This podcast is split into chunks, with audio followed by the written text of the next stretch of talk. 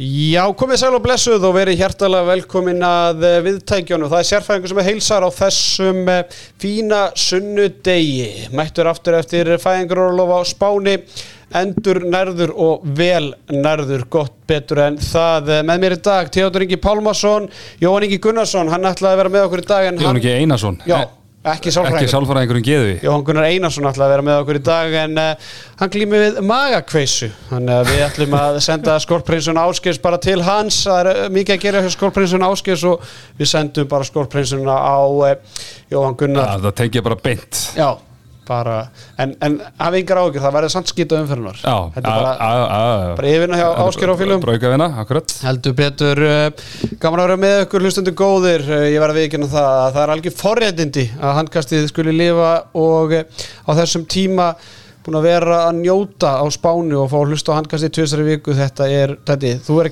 þú ert ekki búin að njóta mikið að fá að hlusta á handkastið, þú ert búin að vera í flestu þáttunum. Ég, ég hlust alltaf samt. Já, það er svo leys Já, ok. ég gerir það. Er alltaf, Ég er alltaf, maður er alltaf að reyna að bæta sig Já. Þannig að maður er alltaf að greina í framvistu Alveg svo þú leikir indir leiki sem þú þjálfaðir Leikir inn í podcast sem ég stýri. er vel gert, enda gerður það faglega, virkilega faglega Takk Við værim ekki hér nema fyrir, um, uh, fyrir þöksje Dominos og Coca-Cola og það er ennþá oktober og hvað, hvað gerist í oktober þetta? Eh, Það er Óstopurfest og ég get sagt það að ég var heima að passa í gerkvöldi Passa þitt? passa, passa guttan og sem, var, sem gerði það að verkum ég komst í miður ekki á, í krigan á Európuleikin en uh, það var bara að fara í beint á dómaran, heimsending og ég er svo mikill ostakall eins og við talaðum um síðasta þetta og ég var með valkviða þannig ég tók bara helming og helming. Já, helming, he- helming ostopufest og helming fjóra ostapítsuna takk. Það er um, svona, þetta er smá keto bræður yfir þessu öllu. Já ég fekk með kett og bot líka. Já, já, það er ekki að spyrja því. Það er mæli með honum fyrir þá sem að en menn vilja minka brauðið. Og hérna er það alveg steinleikur það var ekkert eðlilega gott. Við trúið því og að sjálfsögðu Coca-Cola með því var það hálfu lítur, einn lítur eða tvei lítrar? Já, það var svona, þetta var tveggja litra það fór svona kannski 920 millilitrar, eitthvað svolítið smá vodki með? Næ, nei, Það er, ein, það er ein, einar ekki á sopnaður guttinu sopnaður Herra- Smá pela? Neyma sig svona. Bílamiðstöðunni Krókálsi, sjö strákarnir á bílamiðstöðunni þeir eru ennþá skellir hlæjandi á toppi deildarinnar valsararnir þar og eh, valsararnir að sjálfsögunir áfram í Evrópi byggarnum og við ætlum að fara betur yfir það á eftir. Ætlar að selja bílinn fyrir áramótin. Það er samband við bílamiðstöðuna Ólís vinnur á vellinum, vinnur á eh, veginum og að sjálfsögur vinnur handkassins vinnahópur Ólís kostar ekkert að gerast meðlumur og eh, já, ég er búin að heyra það. Ég er búin að það er er ekki oft sem að færa svona heimþrá. Mm. en vitandi það sem tveim tvei fyrir tilbúðum og ólís og maður er fastur á spáni þetta er erfitt að lifa á þeim tíma en uh, ég tók rúndinu ólís í dag og bara, ég, var- hann var ekki sinni leiðinni. Fór samt bara. Hatta verðbólgu og lís er hata verðbólgu. Herðu, gaman að segja hlustundum frá því að við opnuðum eh, Facebook-grúpu í, í vikunni, handkastið bandstrykk þjóðar íþróttin og hvetjum ykkur til að fara þangað eh, og við ætlum að reyna að eh, bara skapa smá umræðu og, og smá svona spjall. Mm Bara og hvetjum alla til að fara þangað inn og, og, og tjá sig að kannski vanta eitthvað svona grundvöld fyrir hérna bara handbólta umræðu á, á netinu eitthvað svona Twitter en Twitter er náttúrulega bara hérna það er bara alls konar hlutur í gangi þar þannig að kannski þetta verður kannski ekki mjög nýtt með 8 og 10 menn svona vonir okkar standa til að að hérna handbóltunundur bara fjölmunni þarna inn og verður svolítið virkar umræður. Ég er svolítið svona öfunda körubólta með þetta Dominus spjalli gamla og núna Söpvi spjalli Greita vístaglana verður herri handkastgrúpunni já, já, algjörlega, en það er svona þetta með að hérna, þetta hérna, þessi bara virka umræða, skilur sem að, sem að við vonum að náum að vekja þarna, allan með tíð og tíma. Ég treysti því að Teddy kom með sitt fyrsta einleg í grúpuna morgun Engi pressa, Já, já, ég er að hugsa, ég er að hugsa eitthvað gott. það er eins að rýna í þetta kannski maður hendi ykkur að góða skoðan eitthvað. Já, það er uh, elskum góða skoðana kannanir Þetta er Simon Pay Ég fekk mér léttkortið áður í fótti spánar Já. að búin að heyra ykkur tala svo vel um þetta en ég er ekki ennþá að skilja hvað ég græði svona mikið á þessu Nei, ég skil það alveg. Ég, ég bjóst ekki að þú myndir skilja það, sko. En ég mættur hérna til að útskýra það fyrir þið. Sko, er það að ég veit alveg hvernig þú ert. Þú ert svona, þú byrja bara vantalega að vera eitthvað all-inclusive hóteli og bara vera hell í þig. Svo rankur við þér svona tveimdöfum fyrir brottverð, þú ert ekki búin að kaupa neitt og vantar á, dömuna og eitthvað svona. Þannig að þá fórst að strauja og það sem er núna, þú býrð á Íslandi og það er gengisflögt það er gengis á þetta en þarna er engin gengis á þetta þú veist nákvæmlega hvað gengi voru að kaupa á hverju sinni ekkert vesen, engin og þú getur sofið rólur á nóttunni. Skildur þetta? Já, já, Ok. þetta er, við líða strax töluvert betur.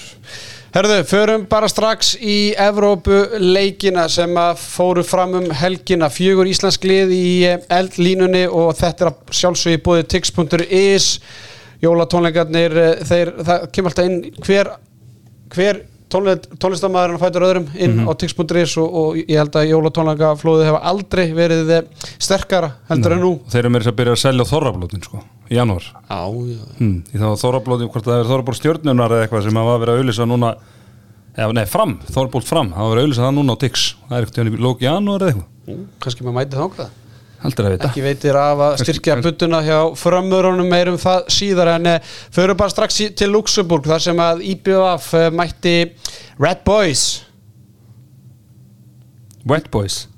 Red Boys? Já, Red Boys, já, Red Boys. já eitthvað dance. Já, í tveimur leikjum og unnu báða leikina. Red, Red Boys Different Dance. Þetta hlýtur að vera eitt flótast annað unnu fyrir leikin í gær með uh, fjórum mörgum 34-30 og unnu síðan uh, setni leikin í, í dag uh, með einu marki 35-34 uh, bara samfærandi hjá eigamönnum að klára þetta þess að báða leiki. Fyrir fram voru þeir taldir svona segur stránglegri í þessum leikjum og, og hérna ánægilegt að sjá það að Daniel Viera, leikmaður IBF hefur svona er svona stíga þetta skref sem við höfum svolítið verið að býða eftir og var markaðistur eigamann að ég leiknum í gerð með sjö mörg á samt Kára Kristjáni og, og Elmar Erlings var síðan markaðistur í, dag með nýju mörg en eh, við ætlum ekkert að vera að tala allt og mikið um þennan leik því að við sáum ekki leikin en við heyrðum í Magga Stef eh, þjálfari í BVA bara strax að leikloknum og, og heyrum hvað hann hafði að segja. Uh, Maggi Tveir sigrar í Luxemburg um helgin og þeir komnir áfram í, í Evropubíkarnum Hva, hvað svona segður hlustendunum hvernig hérna, þessi leikur þróuðust og, og hvað ertu svona sáttastu með í spilamennsku ykkar manna?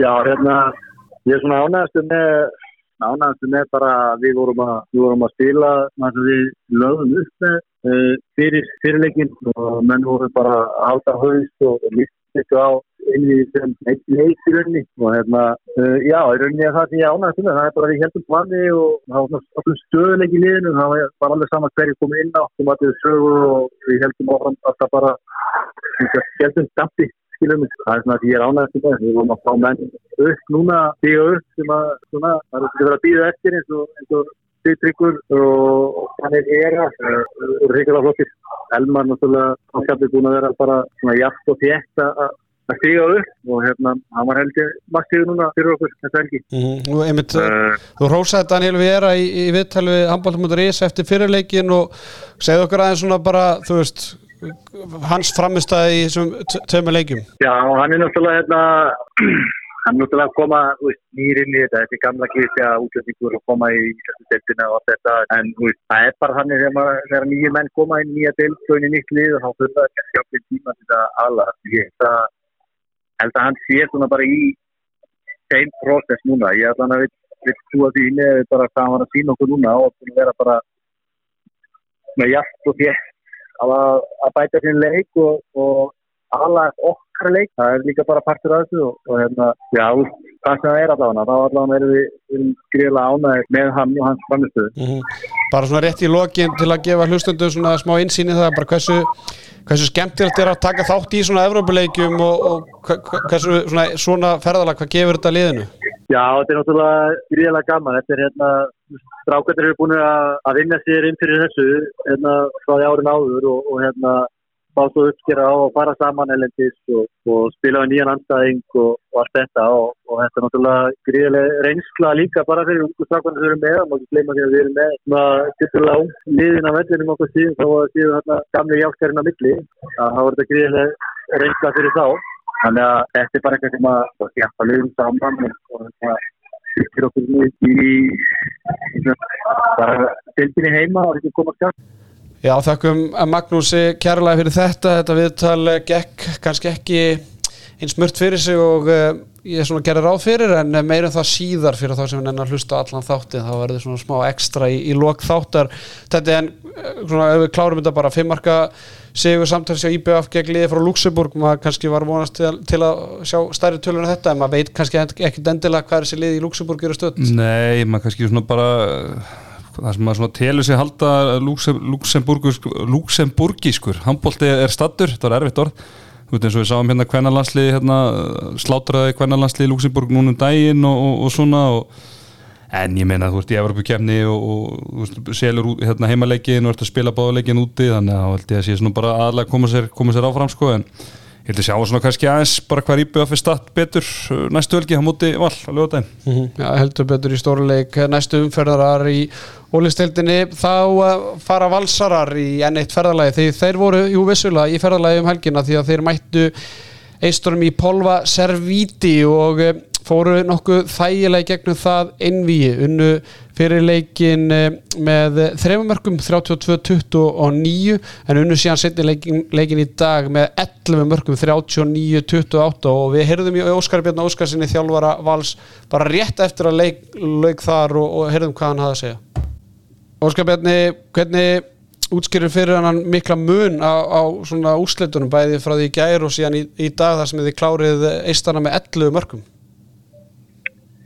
Eh, já, sko, það er svona nokkra skýringar á því. Við svona vorum 17-12 yfir í hálfleik, þetta er mjög svipaði leikir eiginlega mútið lítáðunum, svo svona eiginlega þetta við aldrei niður í, í setni hálfleik og hérna við erum bara einin tvei mörgum undir og gerum þetta bara mjög erfitt. Og, og svo komum við í dag og, og erum líka fimm mörgum yfir í hálfleik og bara náum að spila okkar leik og ég held að snúist líka aldrei um það að þeir eru að spila, þeir spila um síðustu helgi lögata sunnundag og við í deildin á miðugundag þannig að það er að spila fynda leikin sinna viku sko. Já þannig að það duttu, duttu ein, tvei leikmenn út sko en ég held að það er alltaf tekið á í dag í setna áleik og þetta var lið sem var með mjög bara nokkuð gott byrjanlega en ekki mikla breytt þannig að þeir svona ég fannst að er bara sprungni í dag mm -hmm. Hvað hérna, hvað er þetta svona sáttastu með í, í leik valsara í, í þessum tveimu leikum? Já, það er nú nýmislega.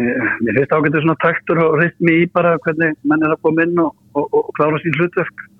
Uh, Monsi frábær í gæð, Lexi, Alexander Pettersson frábær í gæð og, og bara margir margi fleiri. Mér finnst þau svona nota breytina vel og geta spila svona leiki lóta á sönunda og mikill ákjæft þess að við spilum. Mér finnst þau gera það. Mér finnst þau bara hérna góður í þessum. Þannig að ég ránaði með það.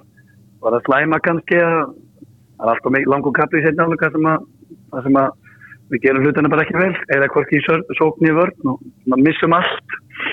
Við erum alltaf svona góðir, frábæri þegar allt er á fullu en svo eh, kannski fullu það svo langt niður finnst mér sko.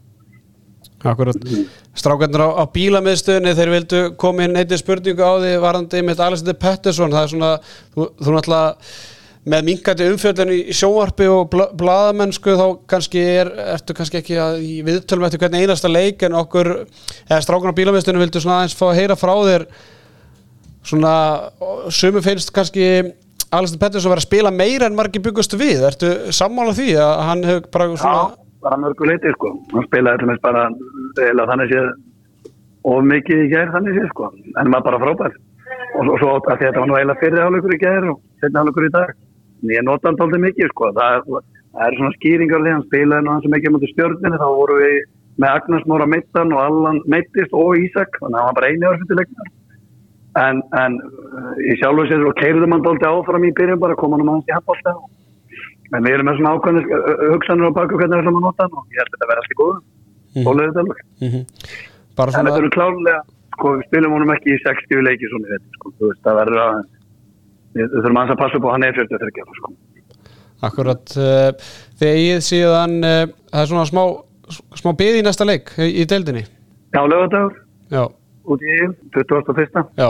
Hvað hérna, það er náttúrulega hörku leikur þeir náttúrulega er að toppi deildarana með fullt úr stiga hefur svona byrjunum á, á deildinni uh, ykkar framist að kannski komið er eitthvað óvart eða gerður ráð fyrir þessu þegar þú fórst inn í tíabilið Ég, ég er að gera mig grein fyrir að ef allir eru heilir og allir eru flokkir þá erum við náttúrulega bara klálega með frábæran hóp og frábært líf, skilur við þá, þá, þá er ekkert auðvöld að eiga við okkur eigum að geta unnið alltaf en við erum svona, hefum búin að vera svona upp og niður í ykkur meðslum og vita hverju eru og annað og og ég er svona bjóst ekkert endilega við að vera með fullt hús nú, sko, fullt hús stiga. Ég verði alveg ekki en það, þannig að ég er bara, bara nokkuð sáttum með byrjunum og ég sé búin að þjálfa í 500 ári val og, og það er svona bara þegar maður tekur við sem að það, þá maður líka svona aðeins að stimpla sig inn sko, sína maður kunni eitthvað enda og þannig að það er bara gott fyrir, gott fyrir uh, teimið og alla held ég að byrja ágætlega.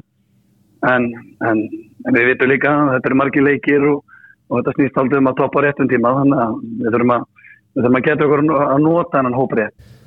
Já, við þakkum Óskari Bjarnar kærlega fyrir þetta Tetti, þú ert nú með eh, heimildumann eh, á, í Íslandi Í Tallinn. Í Tallinn, já, Já. það sem að þú og heyrður hans í honum fyrir þáttin og hvað svona hvað heyrður frá honum? Já, hann sagði mér að, jú, þetta er bara verið hörkuleikur þessi fyrirleikur eins og Óskar tala um en náttúrulega sem að gerist á milli leikið þarna er að, að liðið þér, hérna, íslenska liðið missir missir markmanni sinn og, og línumann á milli leikja, þannig að það munaðum minna og hérna, það er bara þægilegt til að vali í setni, setni leiknum eins og er oft í, í svona, svona einvíum þegar er þegar einvíð er bara búið og bæðilega nátt að segja því þá fer þetta oft í svona alls konar alls konar bull á þvælu en, en bara fæðmannlega gert hjá valsmönnum einhver síður. Já, Magnús Óli, Alexander Pettersson, Monsi og, Benedikt Gunnar voru markaðistir í þessum leik.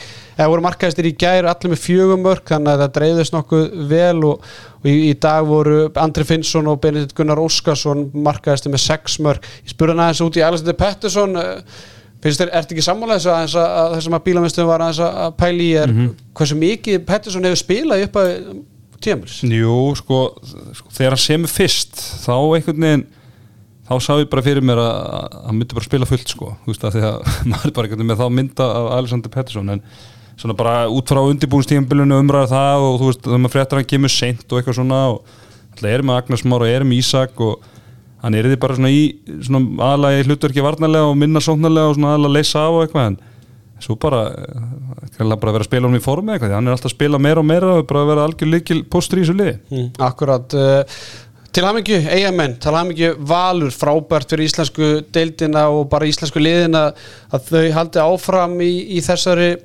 keppni, fjögur liði sömu keppninni, það er ekki oft sem það gerist. Nei, nei, og þetta gerir það líka verkum við fáum að meila handbólt hverju meinasta degi núna. Já, af því að hérna, þessi fjögur Evropulið þurfa að spila leikina sína þá í, í eh, fyrr, fyrri part vikunar þannig að við erum að fá handbóltan annars bara upp á dag. Ekki slæmt, kannski er fyrir okkur að halda utan um þetta allt saman Já, já. það er bara yfir á, á sérfræðingin ekki þetta er vandamál þar.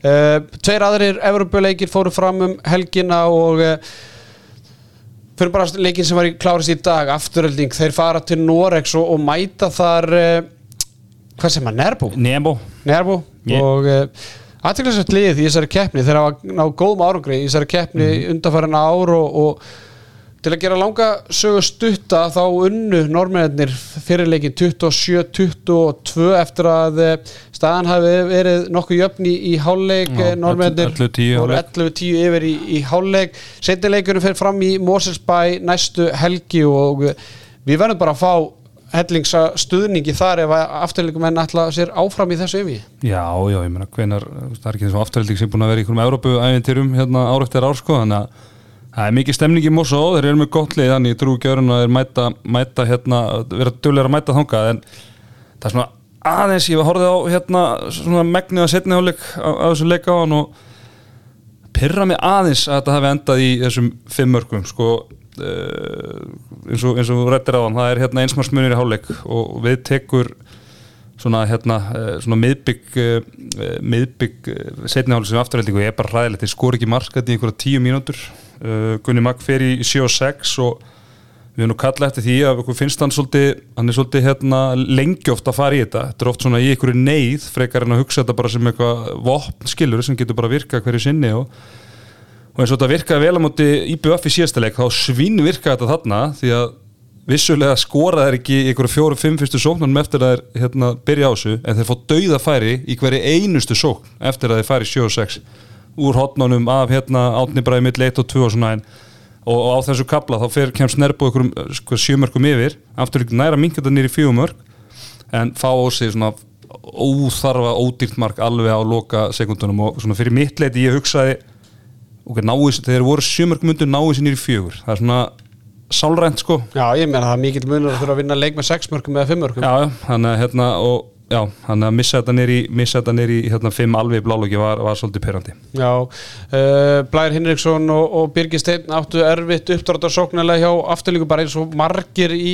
í afturlíkuleginu sérstaklega í setnaháleik sáum það að Átni Bræði byrjaði í hægra hotninu og, og Birgir Steinn byrjaði vinstramegin Blær og, og Þósteinn Leo líka fyrir, þannig, á með þrjá réttenda fyrir utan í upphæðuleik svo en var síðan fljótur að breyta og hérna Já, þetta verður erfitt við á mósveldingum en, en... Já, þá stundlega meiðist eitthvað aðna í miðbygg setnaflöksis, við erum meðast að ökla og ég, ég, ég held að hann hefði alveg pottit ekki komið aftur inn og eftir það og hérna er bara spurning hvernig bara vonandi er það ekki alvarlegt. Mitt, uh, akkurat, uh, þannig að við hvetjum bara hlustundur til að fjölmenna í Móselsbæi næstu helgi og, og, og bara... Er þetta ekki Saturday night? Nei, þetta er á er þetta ekki á laugadaskvöldi? Ég held þetta sé á laugadaskvöldi Já, það er bara ennþá betra það er bara ennþá betra. En uh, síðasti og fjörði Evropuleikur sem framfór hjá íslensku liðanum í um helgina fór fram hér á landi í Kaplakriganum þar sem að uh, F-fangar mættu Partisan Belgrad. Belgrad uh, sjálfsögur lið frá Serbíu lið sem lendi í öðru sæti í serbnæsku deildinni á síðasta tímanbili þræl upplugt lið sem F-fangarnir voru bara með í í vasanum undir lokleiksins en mm. uh, hvað voru þeir, þrem mörgum yfir þegar 34, 31 yfir Já, og einu hálfu eða eitthvað, tvær eftir og, og Serbarni skora síðustu þrjú mörgin bara á, á 90 sekundum og, og jafna og, og leikar enda 34, 34 það sem Jónis Berg Andrason var markaðastur F-fanga með nýju mörg og tólskotum Jón Bjarni, hann svara kallinu. Mm -hmm enn og aftur sínir það að leikmenn og þjálfarar og fleiri er að hlusta á handkastið. Það var með 6 mörgur, 6 skotum.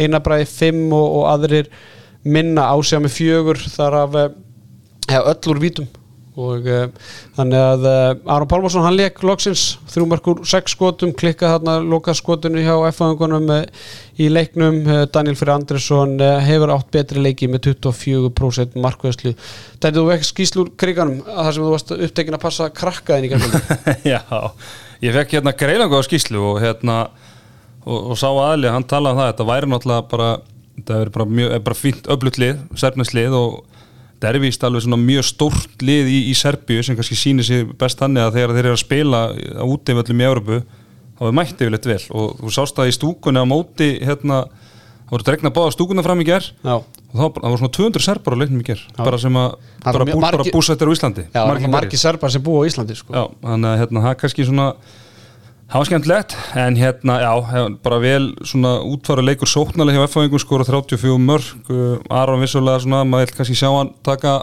svona meira til sín í skotum og, og svona taka meira ábyrg kannski svona þegar að er hérna, þegar að kannski svona, hvað maður að segja, þegar eru stíplur en hann stýrði spilinu vel og, og svona á stóra þátt í þessum mörgum hjá Jónasi Berg, hann og mikið af hérna sendingum á hann þegar hann hérna í þessum nýjum mörgum sem hann skoraði, en varnarleikur F-fæðinga var víst slagur í gerð og voru í vesinni með hérna, svona, finna kemistriðun á milli, milli Þristana, Jónbjarni, Einar Bræi og hérna, Ágúst Byrkisson það var svona eitthvað að vanta eitthvað, eitthvað þar á milli og það þarf að bæta það fyrir í síðari leikin og bara slæmt að einhvern veginn að fara ekki svona sálrænt með þrjúfjöðu mörg með svona hvernig það var að þróast hérna undir lókin Akkurat uh, og ég meina erfu leiku framundan sem býður ef næstu helgi þegar þeir fara í, til Serbíu Já, já, og það er hérna, þetta er þetta svona, þú veist svona mítan er þannig og svona okkar mynd af eh, hérna austuröfriskum hérna handbólta, það er alltaf eins og sért að fara í eitthvað, eitthvað hellhól þú ert að fara að spila í austur-Európu, en það er náttúrulega ekki alltaf þannig sko, en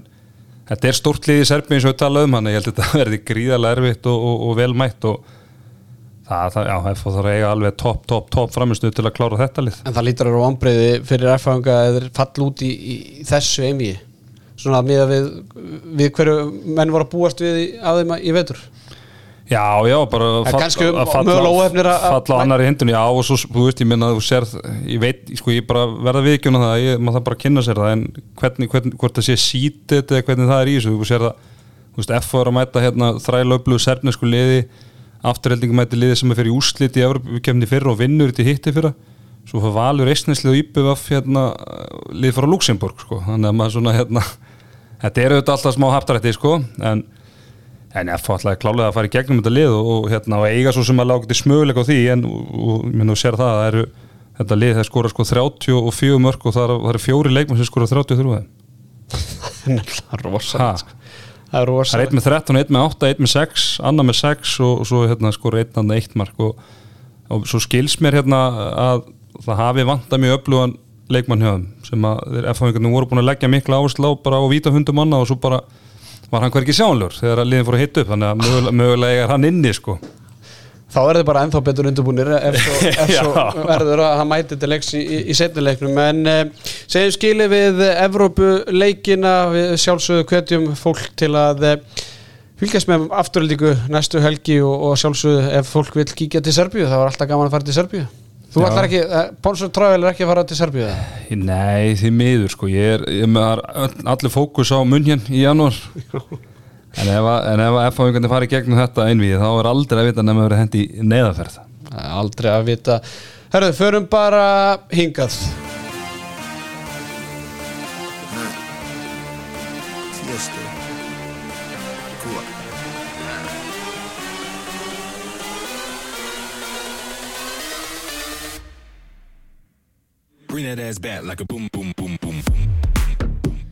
Já, við ætlum að eh, fara yfir þá leiki sem framfóru í ólistildina á föstudagskvöldið og byrjum bara strax í Oranje Boom leiknum sem framfóru í Sava Mýrinni þegar Víkingar og Gróta Ég er ennþá að að sá mér í sig ekki Já, fram sko. ég Ég er bara- er bara, ég er bara nei, ha? Ég er búin að ræða mig allan dag. Já.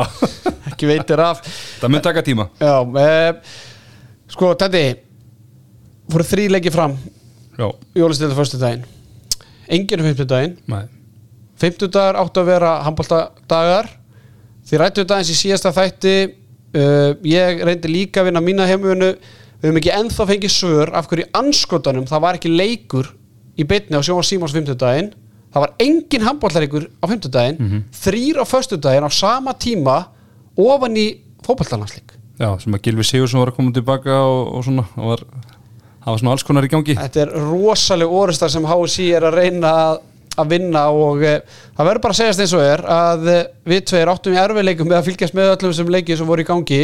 Já, ég var bara með einn eh, iPhone 11 síma flakkand á milli og e, þú varst í badnaðamali ég var í bandamæli á 5 ára badnaðamali Það var svona eitthvað að reyna að fylgjast með símanum já, en e, En ég var búin að taka frá 50 daginn sko. Já, já, ég líka. Ég, við, ég, við hérna fjölskyldan gerðum ekkert á 50 skuldið það, bara, það er bara heilagur handbólta kvöld Já, já. við horfðum bara, horfðum á svartan skjá. Já, í og kveiktu á 60 kertalösum mínútur. Já, í 60 mínútur. Á Tenerife.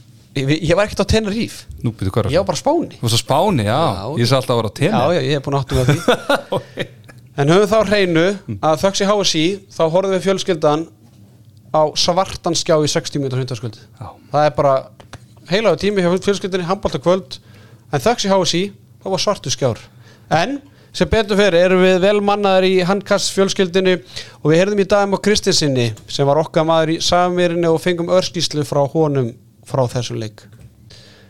Dæmur Kristinsson kontur með örskíslu úr Savamýrinni þar sem að vikingarnir unnu frækin sigur á gróttu Já, sæll og blessaður. Herðu, þetta var bara hörku leikur, stál í stál, mjög jafn eh, leikur eh, framan af og lengi, lengi vel. Uh, Víkingarnir bara, Daniel Andri Valtísson frábær með 14 bolta varða. Kom svolítið óvart að sjá hann byrja, sérstaklega eftir að hérna eftir að uh, Sverrir Andersson varði var með 44% markvöldu í sísta leik. En já, þetta er bara hörkuleikur og, og ég er endar helt svona undir lokin þegar eitthvað 60 mínútur eftir að Grótta var að fara að sigla þessu heim en þá kom Jóhann Reyni Gunnlaugsson aftur inn á og, og hérna uh, var með nokkra stóðsendingur sem að gáði mörg og, og hérna já, bara hörkuleikur og svona ekki mestu gæðin kannski en, en hérna en uh, jafn og spennandi. Hvað segðu hlustendum uh, hvað voru vikingarnir að gera svona vel í leiknum að ég meina þeir voru yfir bara eiginlega allan leikin Já, voru bara styrðu tempóinu vel og, og hérna voru bara agaðir og, og þólimóður í, í sókninni og, og hérna voru að leita færunum lengi vel bara og, og hérna og bara, já, þólimóður og agaðir og, og, og voru bara flottir sko. En ég er bara rétt í loki en, en gróttan, hvað var svona hvað svona stakk í augun hjá þér, var þetta spilamennsku gróttu í þessum leik? Uh, sko, Ágúst Ingi var fýtt, það er enda með svolítið mörg skot. Uh, Elvar Ótri, þetta er alltaf sprækustrákur búin að bæta sér þó nokkuð en hann var að taka svolítið svona lélegar ákvarðinu fast mér. Uh, Andri Fannar Elísson hann var segur sérstaklega segur á punktinum og, og hérna já, það, úst, þeir fyrir náttúrulega að fá meira framla frá Jakob Inga, hann, hann skorar ekki eitt mark í þessum leik og, og þeir bara menni ekki við því. En já, Viking fannst mér Stefán Skeving hafa mjög áræðin og öflugur og hérna og náttúrulega Jói kom inn hérna í lokin með einkomi sem að breytti leiknum þannig að hérna Þorfinnur Máni líka flotta einkomi setna á leik og, og já, og talandi um gróttu þá ég verði líka að minnast á Anton Óskar Pantano, mér fannst hann hérna hann var áræðin, komið ágætt syngomu þó hann hafi bara skorað tvö mörg framtíðastráku sem bara flottur flottur spilari sko. Mjög efnilegur Þökkum uh, Dæmi Kristinssoni fyrir þessa lang loku Lagsnesi mætti það rétt undir lokin í þessu, þessari örskíslu og allt hennu var þetta ekki örskísla lengur heldur var þetta bara bankaskísla Já, þetta var bara rannsókn og skýsla alþingis bara, basically, bara í 300 bindum og eitthvað. Já, Þetta, Ég held að maður tekist það sko, nefna alla leikmenn sem spila unna leik. Og mættu í stúkuna. Og mætti í stúkuna og sem voru utan hóps. Já, það er nú bara eins og það er. En uh, Víkingarnir unnu að uh, lokum 30-24 eftir að hafa verið yfir 13-12 í hálfleik uh, Víkingarnir, þetta eru konu með þrjá sigurleiki eftir sex leiki Nú ætla ég bara að spyrja því Er þetta gjaldfella deildina eða eru Víkingarnir svo rosalir? uh, Sko, sko við, þegar við erum að spá vikingum hérna í byrjum tímabils bara þegar ég segi þið fáið svona fjögur ég var spáðum svona 3-4 stigum allt tímabilið. Uh, þá erum við að byggja á hverju? Við erum að byggja á framistöðir að síðast þeir voru einn uppi. Og þar síðast. Og þar síðast. Uh, þeir rétt slef upp úr grillinu styrkja sér ekki neitt drulla upp á bak á ragnarsmótinu og eðlilega settu á þann stað sem er settu en það sem að ég er búin að fatta núna eftir á mistökin voru ekki hversu hvernig við vorum að meta vikingslega því að það var held ég alveg rétt. Mistökin voru þau, við vorum að ofmeta fullt á öðrum liði. Já, já. Það er bara vandamáli við heldum bara bilið á milli vikings og gróttu vikings og selfoss, jafnvel vikings og háká. Væri bara talsvert meira en er bara er að koma á daginn. við tölum samt um það margóft að nú væri tækifæri fyrir nýliðana að gera Já, eitthvað. þá var ég, ég við ekki fyrir mitt liti þá var ég meira að hugsa um háká heldur viking nokkuð já, já, ég meina að hvernig vikingur var á undirbúrstíðabölinu og hvernig er rétt slefa í gegnum umspili fyrra og, og bara þeirra uh, sorga saga í ólustildinu síðustu ár þá hérna, er ekkert skrítið að við höfum bara mikla ráðugjör á liðinu en En þetta er bara, þú veist, þeir eru bara búið til einhverja stemningu. Þú veist, ef við bara tökum sem dæmi svo við aðeins hérna, svona spoiler við tökum þessu umræðu kannski aðeins bara svona þéttar í, í næsta þætti. Bara tölum við liðin svo selfos einhvern veginn. Það sem er, eru svo mikið vombrið að tapa þeir eru svona átta sig á því hvað þeir eru á slæmu stað Þú veist, vikingur, þeir eru svona bara megninu sami hópur búin að vera hérna í deildin áður og þeir, þú mannstalið, þeir voru búin, kannski búin að fá tvö stig eftir 15 leiki en þeir mættu samt í 16. umförun alveg trilltir og ætluðu bara að vinna leikin og þú veist, bara guns blazing sko og þannig að þú veist, þetta er bara ógeðslega gaman og mikið stemning fyrir þá og svona kannski auðveldar að nálgast verkefni þannig sko ekki spurning og við náttúrulega, ég hef rætt að einmitt sama punkt skilur með að, að það er einhvern veginn miklu auðveldra fyrir viking að mæti hvern einasta leik og ætla að reyna að vinna skilur saman hvort þessi IPVF fram gróta meðan að Selfoss einhvern veginn fer í leikamóti þú veist, haugum eða val og bara hefur enga trú skilur með að, að það er auðveldur einhvern veginn að ljúa að sér einhverju trú og, og vikingarnar hafa bara gert það og, og gert það vel en, en ég meina gróttan ég hef nú ágætlega eða bara sterka töga til gróttu þó að þetta sé nú eiginlega orðið nýtt lið frá því að ég var með liði fyrir tveimur ári síðan og, og mikla mannabreitingar en ég verð bara viðkynna það ég hef gríðarlega áhyggjur af þessu gróttuliði og ég velti bara fyrir mér þú veist, er þeir að svo verðin? Ég meina, hvað kostar þetta gróttulið?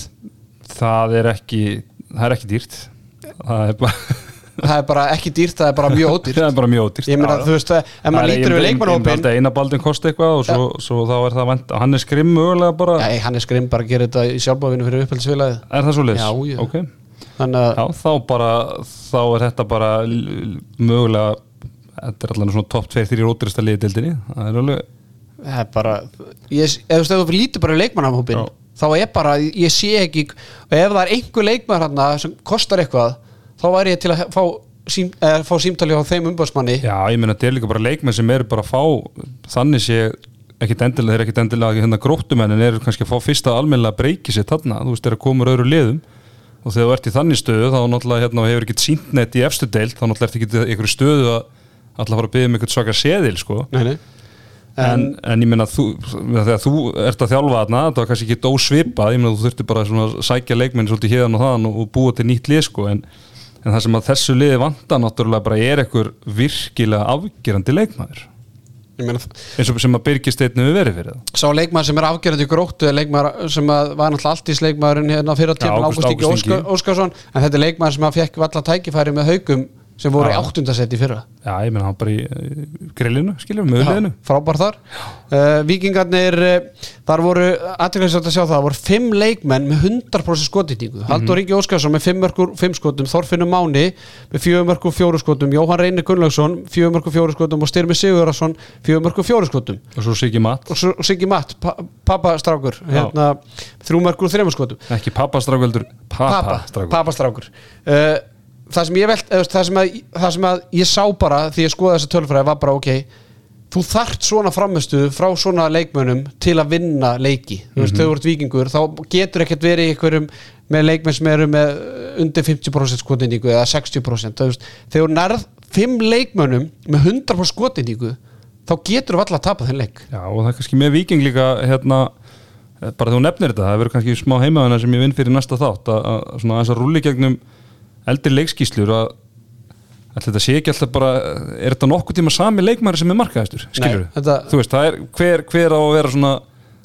gótu maður við ættu að vera markaðistur í þessu lið er Mögulega bara Gunnar, Gunnar Johnson og hann er með 0 mörgum 4 skotum Já, þú veist, þannig að hérna þú veist, ég var reynið tekur vítin og svona skilu en ég meina það er bara hérna, þetta er að dreifast og, og þeir fengu bara framla frá miklu fleirum heldur en gróta, þú veist, Ágúst emmi átta mörg en þú veist, er að, er að lúra svolítið á markið, það er svolítið svona hans, hans hlutverk í þessu liði en svo er bara voða lítið að frétta, ég meina Jakob hefur verið þarna veist, hann er búin að vera alveg ótrúlegur skiluru og búin að vera að draga þetta lið svolítið áfram og hann því miður fann sér ekki í þessu leik Jón Ómar var hræðileg með 0 mörg og 3 skotum klikkar en einhver einu döðafæri á, á mjög svo svona mikilvæg tíamóti í setna háleik uh, ég meina Hannes og Andri Fannar Elísson eru báði með 100% skotnýtingu með 4 mörg og 5 mörg en hérna, ég Baldvin nær sér alls ekki á strik við erum þarna einhver tvísvar sinnum svona einhver tvo bolta á, á stöttu tíambili það eru þá komin strax fjóri boltar af 11 enda með 27% skotnýtingu og, maður sá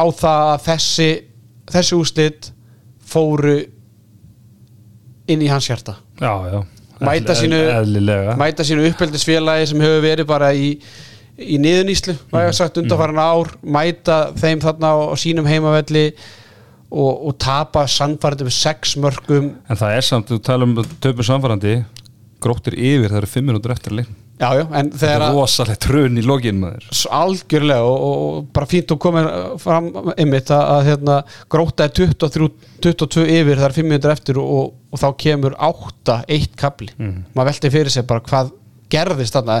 Ok, vikingur skora fjögum mörg á síðustu mínundunni Já, já, Veist það, já, já. það fyrir bara einhverja þvælu sko. Þetta fer í þvæluna og hérna þannig að eh, velgert vikingar og, og eins og ég segi, konum með 6 stig á töfluna og ég ætla að segja þetta Diddi, þessi stig var aldrei tek, tekin aðeins Nei, það er ekki nema að það bara kom eitthvað setna í ljós sem að vera til þess að það veri tekin af en stigin. Það er ansi, ansi ólíklegt. Það verður ekki gert, ég er búin að komast hjá því. það eru alls konar podcast búin að vera að tala á niður.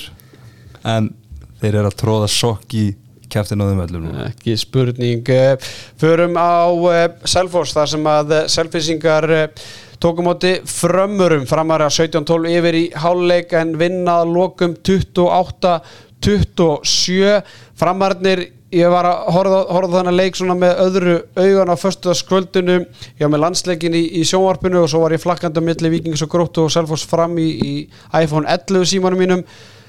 Ég held að þetta væri búið 26-20 26-20 þá kemur svakalega kapli Nei, sko, fyrst er, staðinu fyrst 1917 Selfinsingandi ná aðeins á mingamunin þarna eftir að hafa verið fimmörkum undir í háluleik minga minni í tvö mörg en svo bara strax kemur bara fjögur eitt kapli og, og framarandi komast í 23 átján. Þá bara ok, nú er þetta búið. 26-20, já, já, nú er þetta búið. Herruðu, svo kíkir bara aftur. 26-25, Já. 26-26 Já, þetta gerist á svona 5 minútum Þetta er alveg fárálegt sko. Segðu okkur. Já, hvað gerist á þessum kabla Sko, þetta er basically bara þannig að hérna, Alexander Hakkelsson kemur í markið og það bara rennur á hann eitthvað æði þarna. Þetta var ekki þannig að hérna, framararnir hafi eitthvað allt í hennu bara byrja að spila eitthvað ótrúlega illa sko, þeir bara fara með eitthvað 2-3 þarna döðafæri Alexander enda með 61% já, markvæslu já, og hérna þeir fara með hérna, ógreina döðafærum húst, Rúna Kárásson er tekin út á þessu kabla en kemur inn á til að taka tvö vítakvöst, klúra báðum þessu vítakvöstum uh, fá tvisa klöfilega tvær mínútur og Selfoss næra nýta hérna yfirtöluna. Þannig að bara, það er bara smelt verið fingri sko, þá, þá er staðan orðin 26-26 og virkilega velgert um selfisingum en að því sögðu það er eins og leið og þeir hættu að elda leikinn þá fór bara allt í gömlu góðu skrúuna og þetta var þannig, hérna, gamla klísjan þetta var eins og hvort liðið vildi vinna hana leik. Við sko, er skoru mörg mörg sko, þarna þeir, þeir jafni 26-26 ég held að séu 11 mínútur eftir. Það eru skoru þrjú mörg í leiknum og síðustu 11 mínútur leiksins. Ég ætla, ég ætla að umorða þetta hjá þér. Ég, ég ætla að umorða Já. þetta. Fyrir mér hafði fram ekki áhuga að vinna leikin Nei. En fyrir mér gat Selfoss ekki unni leikin það er ekki, þeir, vant að geða fleira. Já, eða, þeir, bara, þeir eru ekki í því bara mótsjói að Þeir bara kunni ekki að vinna leikin Nei, og sko, ég get bara sagt það að uh, þegar Selfoss er í þeirri stöðum að þeir eru búin að minka þetta nýri, eða búin að jafna leikin og er það einhverju einu marki undir í síðustu sóknu leiksins þá er Sverri Pálsson sem er búin að vera mittur, ég veit ekki hérna hvað lengi, þú veist, hefur, þú veist hann var hérna ágæti skitta fyrir svona 10-12 árum sko, þú veist, hann hefur ekki spilað sókn síðan þá, hann er að spila vinstri skittu í leik á móti fram þar sem að þeir eru bara sens á að vinna leikin þú veist, það er bara staða sem Selfoss er í þessa dagana sko. Það er, já, já, þú sendir mér hérna einhverja tvær klippur. Já, tók hann eina fyrir aftan bak. Sem er þetta mjög bara gott. Já, já, og hérna hann ótrúlega reyndar að hérna þar átti hérna varna maður fram að fá tvær mínútur. Það var hérna liðlegt á, á dómarabarinu að hérna dæmi ekki tvær mínútur og það. Er svo fengið að rauðning, hann var svo keilukúla. Hann, hann hérna hljóp tvo niður. Aldrei áður Þetta var magnað. Fekk Sittum þetta kannski á Twitterin tímann mögulega. Eða, eða Facebook-grúpuna Facebook-grúpuna. En, en fyrir mér, ég púnta niður bara, veist Fyrir mér átti fram bara ekki skil að vinna vinnanleik Það er bara uh, ótrúlega hérna, léleg framist og ég er svona, ég ég er smá ávíkjur af þessu framleiði sko, mér finnst þér einhvern veginn, það er bara eitthvað svona skrítin ára yfir þeim, mér finnst þér vera með eiginlega bara ótrúlega hvað þeir eru konur með þó mörg, þú veist þeir eru konur með fimm stig, en mér finnst þér samt einhvern veginn bara hafa verið bara frekar slakir, heilt yfir. Já, ég bara Ég, og ég, velt, og ég velti fyrir mér að hérna uh, þjálfarinn Einar Jónsson, hann náttúrulega tók að sér þjálfun kvennalinsis í, í vetu líka. Og þar sett ég, sett ég bara strax stór spurningamerkja því ég verið þeirri stöðu að vera með þjálfara sem að var að þjálfa þegar ég var í að spila með meistarlóki Kalla og hann var að þjálfa meistarlók kvenna líka. Og það er bara ekki gott og það bara gengur ekki upp. Það er bara mín reynsla af því veist, þá var hann að koma, þetta var þegar ég var í FA var Haldur Jón að þjálfa kvennalið og, og kallalið og hann var að koma kannski inn á æfingar eftir hálftíma skilur þú veist og hérna þú er bara, þú getur ekki geti ímyndað mér einhvern veginn verið með fókusin 100% á að vera með kallalið og hvernalið og þú veist, ég veit ekki hvað þessu stór ástæða það er fyrir þessari framistuðu hérna framaræðin, þetta er að hafa áhrif. þetta hefur, þetta bara hlýtur að hafa áhrif sko. þetta hafði áhrif á, á okkur sem lið FH, að við höfum samanburð ári áður og það var bara allt annað dæmi sko. já, ég, tökum bara Tökum við sömra á, á, hérna, á miðudaginn þegar við hittumst aftur að, því að það náttúrulega leikir strax á, á þriðudag og, og miðudag í, í deildinu og við verðum hérna aftur á miðudagskvöldið og gerum upp þá leikina sem fara, fara á þriðudag miðudag og þá langar með mitt að fara eins í dýbri umræðum bara ég meina bara styrkleikan í deildinni. Já. bara þú veist, ef við förum bara já, þú veist, þar mun ég að, þú veist, ég myndi ræða bara leikmannahóp fram núna og var í, í fyrra, veist, hvað hann kostar. Ég meina, hvað kostar leikmannahópu gróttu núna frá því fyrra, ég meina, það er bara eins og öll lið sé að gefa eftir. Já, það er bara langflest. Ég hérna uh, já, þetta er bara, þetta er FH afturölding veist sem að við getum sagt að sé með betri hérna hópinni fyrra. Já, Valur er kannski með öðruvís Já, Valur er svona, ég set þá svona bara svipaðan stað veginn. Já, og svo er það eiginlega bara upp talið held ég sko. Haukar fá náttúrulega Guðmund Hólma með Sandra Rúnars. Já, ég myndi, ég myndi svona var, það ætti að vera veiking svona á pappír. Já, já, en þú veist, maður getur einhvern veginn röggrætt með Aron Rafn allt tímabili og svo Mm, tímabili já. og eitthvað svona en, en förum í þetta aftur og förum í þetta á, á miðutæðin bara þá verður dýbri og, og, og hérna beinskitt umræða Bang! um það hvað sé að gerast hjá nokkrum af þessum liðum í, í deildinni. Förum norður þar sem að haugarnir kerðu norður. Samdagus oft verður ykkur helviti smít um það að þú eigir að fara deginum áður eða fljúa bullshit. Þeir heldur bara áfram að keira og keirðu við káa Já, já, heldur betur. þeir fóru ekkert út úr bílnum sko. 21-8 yfir í, í háluleik og eh, á lokum unnaður 15 marka sigur 36-21 Guðmundur Hólmar sem hefur verið að berjast við meðsli undanförnu leikjum kom tilbaka og stýrði varnarleik hauka gegn sínu uppeldis félagi Úlfur uh, Kjartarsson, hann var ekki með haugunum uh, uh, konan var komin á Steipin steipin steipirriðin og uh, var því ekki með haugarnum í, í þessum leik. Haugarnir komast 11-2 yfir strax í upphafi leiks og uh, þá var samt aðtryggsvert að ég horfði ekki á hana leik, við horfðum hvorur á hana leik. Við erum svolítið að vinna bara með tölfræðina og gögn og okkar heimildamenn að, að í stöðunni 11-2 voru báðu markverði liðan búin að verja fjóra bolta skilum við, en, en á samtíma var Káa búið að tapa sjö boltum. Og, og, og svona, að það sem ég hafði heyrt er að, að varnarleikur hauka var bara helvíti góður. Menn voru bara að, að, mikil fæsla og menn voru að berjast fyrir hvern annan. 21-8 í háluleik samt að Káa með 5-4 í Veist, það hljóta að vera týndir ykkur boltar þar sem Já, Arrafn hefur tekið. en á sko. sama tíma 9-1 tapaði boltar. Já. uh, Haldur Stefán uh, tekur uh,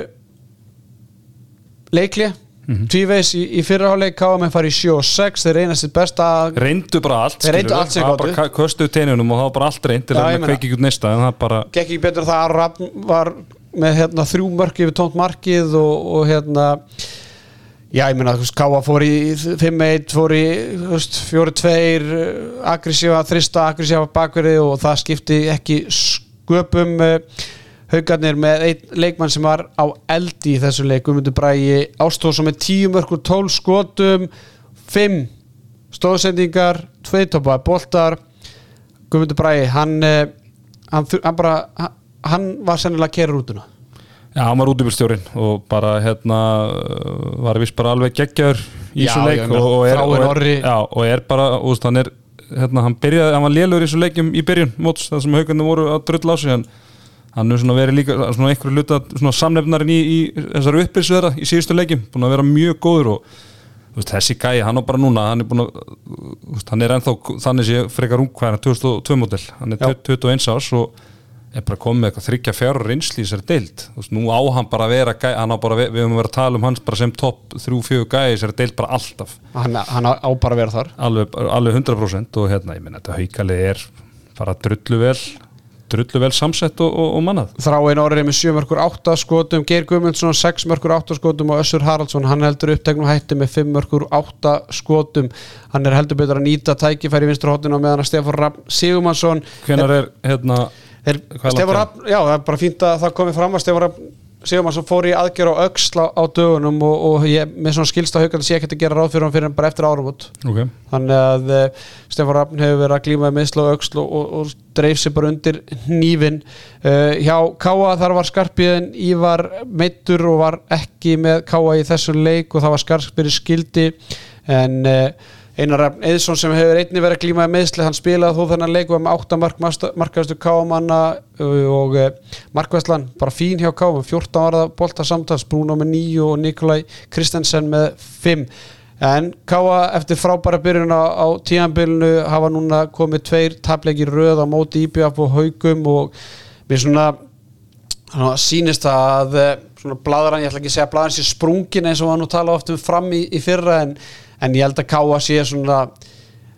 nokkur langt frá þessum toppliðum og, það var, hefði verið skrítið og, það hefði náttúrulega verið bara þjálfæri held afrega að Haldur Stefán hefði náða að breyta þessu bara á einu sumri Já, já, algjörlega, en það voru svona, þú veist, og ég er alveg Teikn á lofti. Já, já, svona góð, góð ára yfir þeim, en, en svo hérna kemur þessi leikur og þar á undan, þú veist, ok, jú, þeir töpuðu Vestmanniðum, en þetta var ekkert eitthvað Íbjöf Vaflin sem var Íslandsmeistar í vor, sko. Nei, nei, Þú veist, þetta var bara núverandi leikmannahópur og það vantaði mér að hérna, Lýsa á búið tapandu gróft og viking já, þú veist, það voru hérna voru bara hérna meðsli og þú veist, voru up for, up for grabs eins og maður segir en, en hérna náðu ekki að nýta það og, og þú veist, nú er bara staðan þannig að káa með jafnmörsti og, og vikingur sko.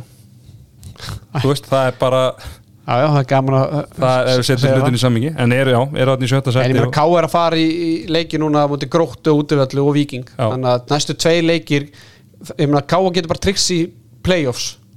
Já, ég meina að þeir eru konir í tíu það, veist, eftir tvo leikið þeir eru konir með tíu stig þá fyrir við eftir að hérna, tala um hvað þetta er spennandi bróti hérna. Já, en ég held, við- ég held að við sjáum alveg gegnum þetta. Ég meina, en ef þeir vinna Ég meina, viking og gróta Ég meina, K er Jæðri við það að vera í veist, Þeir eru þá frá upp fyrir Selfoss og Selfoss var áttunda Já. besta liði fyrra Já, þá, og, þú veist, þá eru bara að tala um að gróta háka og stjartunum selfos séu fyrir aftan Já, þannig að og þú veist, þá vikingum mögulega líka Já, veist, ég meina, að- ef K vinnu viking þá ertu komið með sjönda seti þú veist, Já. þannig að þetta er fljóta Þetta verður einhver hérna klessa þarna nýri hérna, þurfum, að, við þurfum eiginlega að virða það. Við, við erum ekkert vanir, við höfum verið að fjalla um deildar núna ykkur fjögur, fimm ár. Já. við erum, ekki- við erum ekkert vanir ykkur spennu fall, í Nei, svona- fallbarátunni lí- Við þurfum að virða það, já, já, og línur, sko, það er yfirleitt svona farnar að skýrast bara eftir svona 6-7 umferðir. En það er einhvern veginn alls ekki þannig núna og það er bara frábært. Það er bara mjög gott. Uh, Við erum að fara að sjá toppbarátu og við erum að fara að sjá bullandi fallbarátu og barátum að koma inn til play-offs. Mhm. En það er svona, svona kannski svona setni tíma vandamáli um það hversu beauty það verður fyrir liði 8. og 7. seti að fara í þessu. Já, já, og, og, og þessi En spenn það getur allt gerst. Úslitakefnin er önnur skeppna Já, já, og reyndar þessi samkeppni þetta niðri er kannski er að vera til á svolítið raungum fórsendum sem við ræðum í þættinum hérna á eftir en, en, en samt sem á að verða að verða spennuna, spenna er alltaf skemmtileg. Spennu er alltaf skemmtilega, við erum spennu fíklar Herðu, Rýni Endurskoðun, Baker Tilly. Er ég eitt hérna, en ég að hérna, ætla að senda gróttuna og, og framarana í fitnessport. Já, ég ætla að hérna, koma í það á hann. Að hérna uh, í veist, bara bæði, bæði þessi liði áttu ræðilegan hálfleik og K.A.L. getur bara átt, þetta getur átt við þá líka í rauninni sko.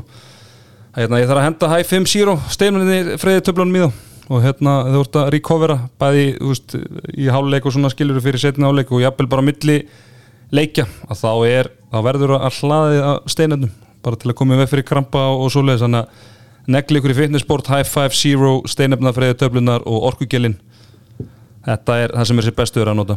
Já, ég meina, við, við höfum séð það að, að það er nokkur sem liðum í, í bestu deildin í fótboltanum. Með, með þetta high 5 orkugél bara á bekknum og Já. jafnvel inn í klefa. Já, ég meina, það var ekkit vittlust fyrir uh, lið sem að vilja bara ná þessum sæti í, í úrslitakefninni eða, ég meina, allt svona getur skipt sköpum. Tala ekki um þau komin í playoffs og spilar á tvekjadaða fresti? Það er eins gott að, að eh, byrja að hlaða strax. En uh, byggja til í strákarnir uh, eru aðeins búin að vera að rýna í gögnin og uh, haugarnir þeir eru búin að vinna núna þrjáleikiröð mm með 12 mörgum, með 11 mörgum og með 15 mörgum og ég spyr bara Teddy, þú sem starfandi hjá Baker Tilly hvað hefur breyst? Já, menn er að tala um að þetta séu það sé hérna, Abgat sé fjölskyldan. Hefur heyrt um hana? andi hennar svífur yfir vötnum þarna.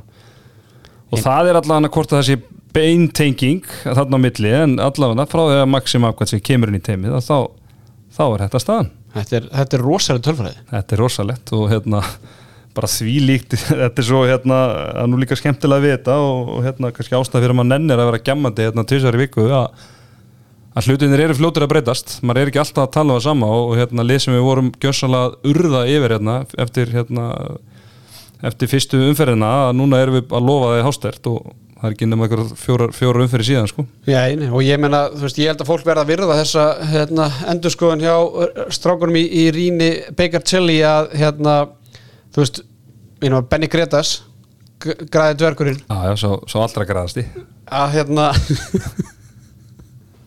að, hérna, ég meina hann hefur kallað eftir því og, og, og bara minnst á það. Ég meina haukar hafa verið það lið sem að hafa tekið þessi lið í neðri, bara, eh, neðri hlutunum og bara slátra þeim. Mhm. en ég meina í fyrra þá voru þið bara tapandi mótið þessi liðum í neðri hlutunum. Já, þannig að ég meina þetta er bara ums, umsnúningur Já, það er bara algjörlega og ég meina, þú veist, töpu hérna fyrir HK og, svo töpu fyrir IR í fyrra sem byggur frægasti, ég þetta er bara eitt frægasti, þetta er bara eitt frægasti tapleiku bara í deildinni í síðar ára, sko. Tapa tvívegið sem átti gróttu í fyrra og já. fyrsta skipti sem það er gæst í rúmlega 20 ár. Já, og hérna, þetta er alveg, alveg hár rétt hjá honum og, og hérna, þú veist haukar eru bara, þetta er bara svona maskina skilur í sögulegu samingi og þeir eiga bara að taka svona lið og, og rúli yfir þau en að fara norður og, og vinna vinna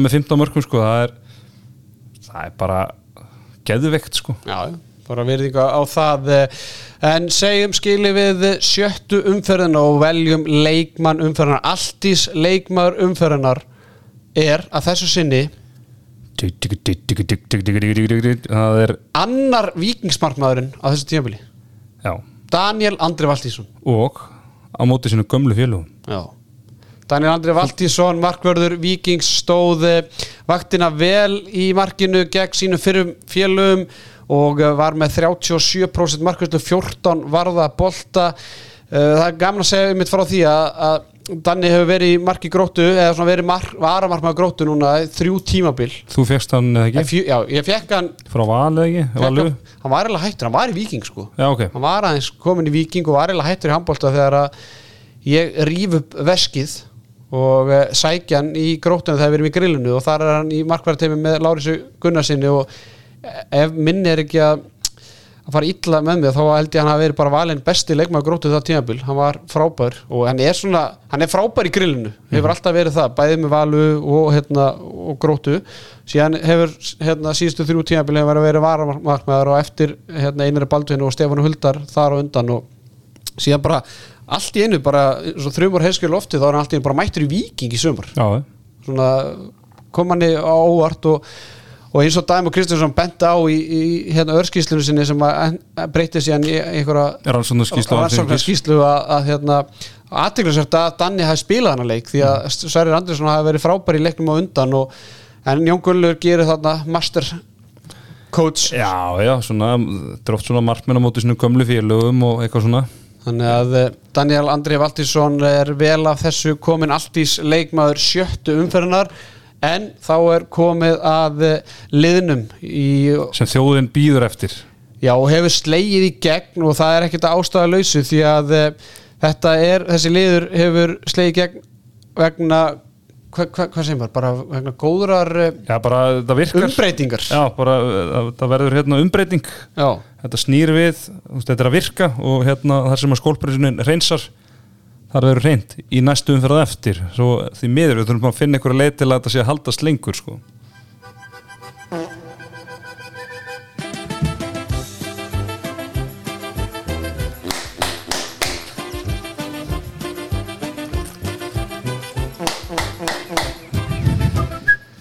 Skorprinsun Ásgeis skýta umferðarinnar eh, má ég velja? mátt velja.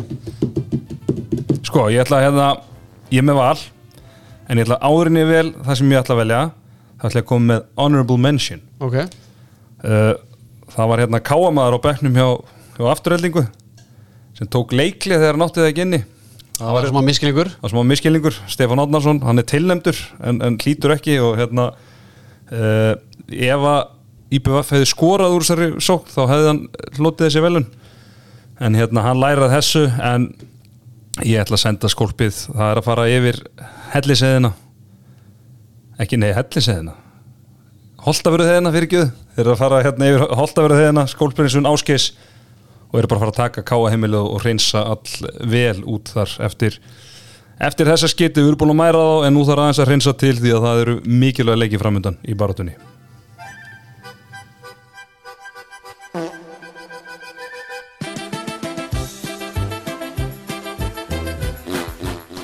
Já, pullandi yfirna hjá strákunum í skorpreisun Ásgeis að eh, þeir ætla náttúrulega fyrst að kíkja á uh, Jóhann Gunnar Einarsson. Já, áður en fara norður og uh, spurningum um að stoppi bara hér við hjá Steppa Átna, hann er í Mósarsbænum já, það er bara leðinni Já, ég meina, bara tvei fyrir einn. Tvennu tilbúð, Já, það er bara ég held að það sé nú allt í lægi uh, Stöðlarnir fyrir næstu umferð eru komnir inn á vefsíðu, eða hvað sem er svona heimasíðu? heimasíðu. Já, appið?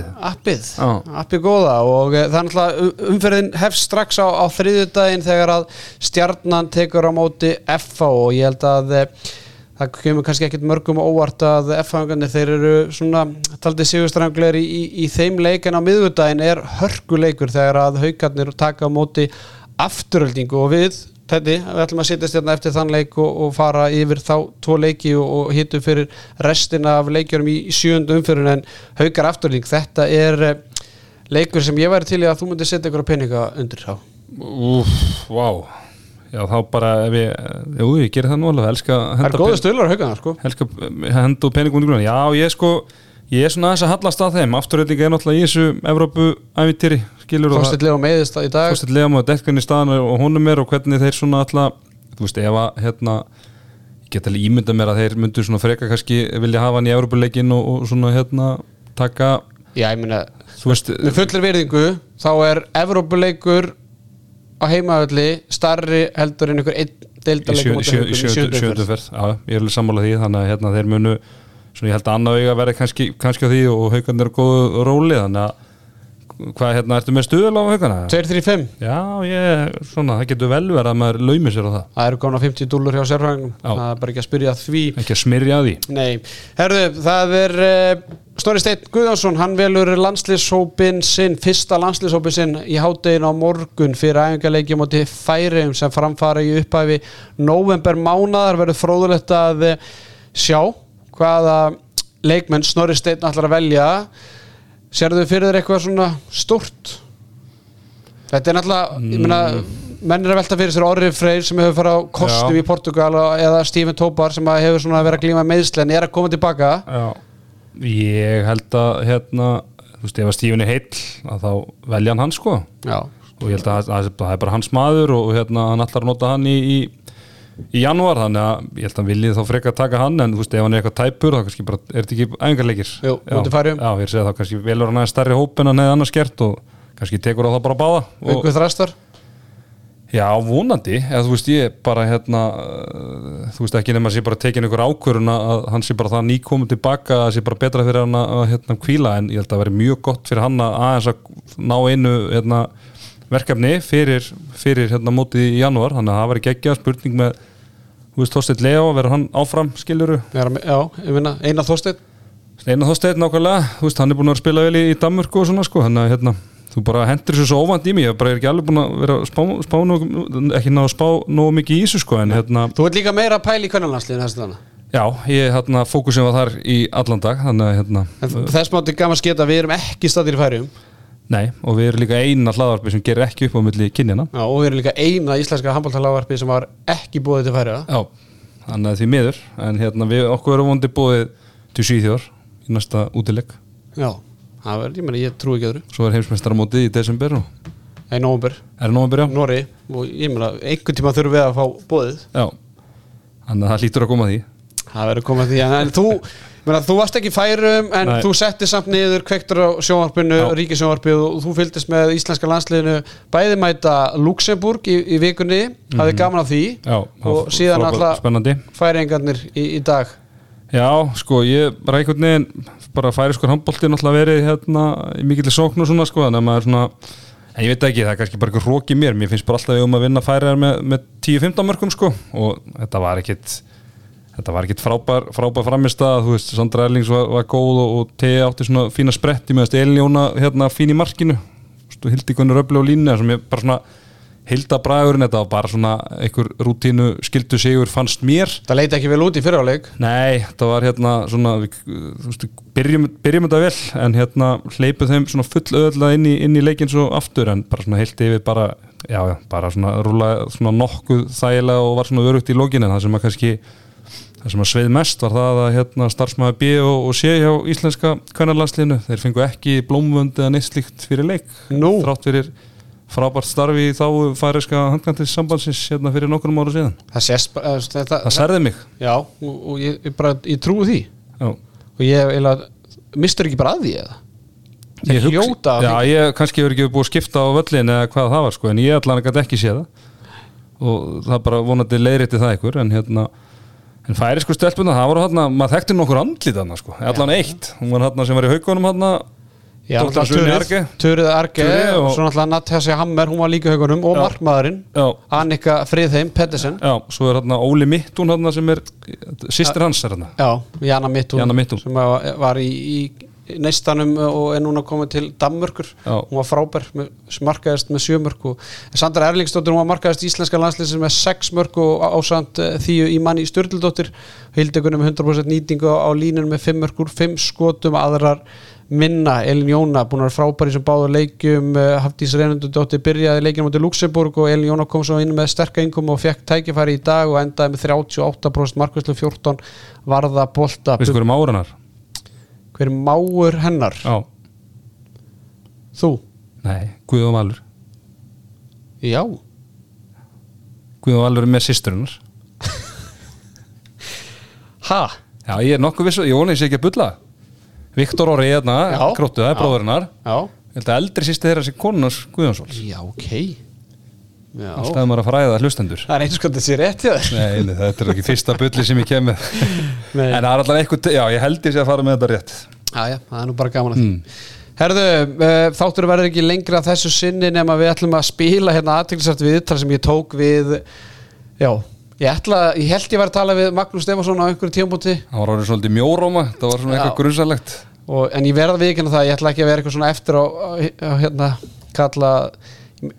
grunnaði svo þrís og fjóri sem í þessu viðtali að þetta var ekkert Magnús Stefansson að tala. En ég var ekki alveg viss og þú veist mér þótti við samt vandrar að stoppa viðtali og segja bara, "Heyrðu, hver er þetta?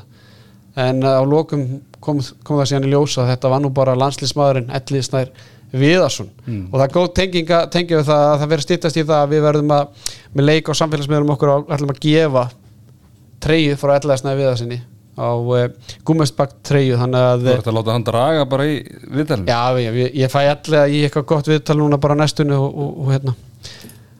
Tala um hann en ekki IBF Já, ekki hann í ykkur dulagerfi Já, þetta var hansi gott. En uh, þetta við verðum hérna aftur á miðutaskvöldu við þakkur hlusturuna og uh, hvetjum ykkur til að taka þátt í umræðinni á Facebook, Twitter og hér og þar. Teddy, takk ég fyrir þáttum í dag. takk sem leiðis Maggi, tveir sigrar í, í Luxemburg og þeir eru komin áfram í Evropu byggarnum uh, segðu hlustendum aðeins bara hvernig þessi leikið þróuðust og, og hvað ertu svona sáttastu með í leik ykkar um helgina?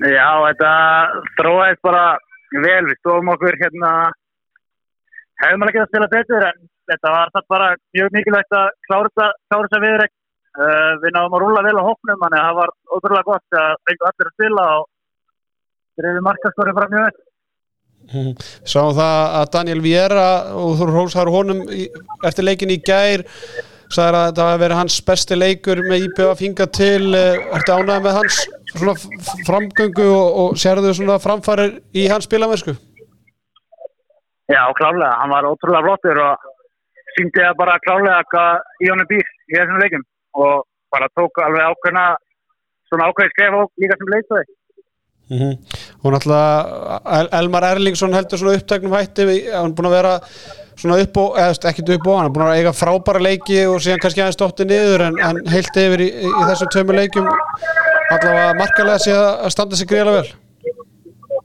Já, ótrúlega vel. Hann er fekk að fara að njóta sín meðan dagur er búin að vera að glíma þessum heitli. Þannig að það er bara ótrúlega gaman að sjá hvað hann stendur sig vel.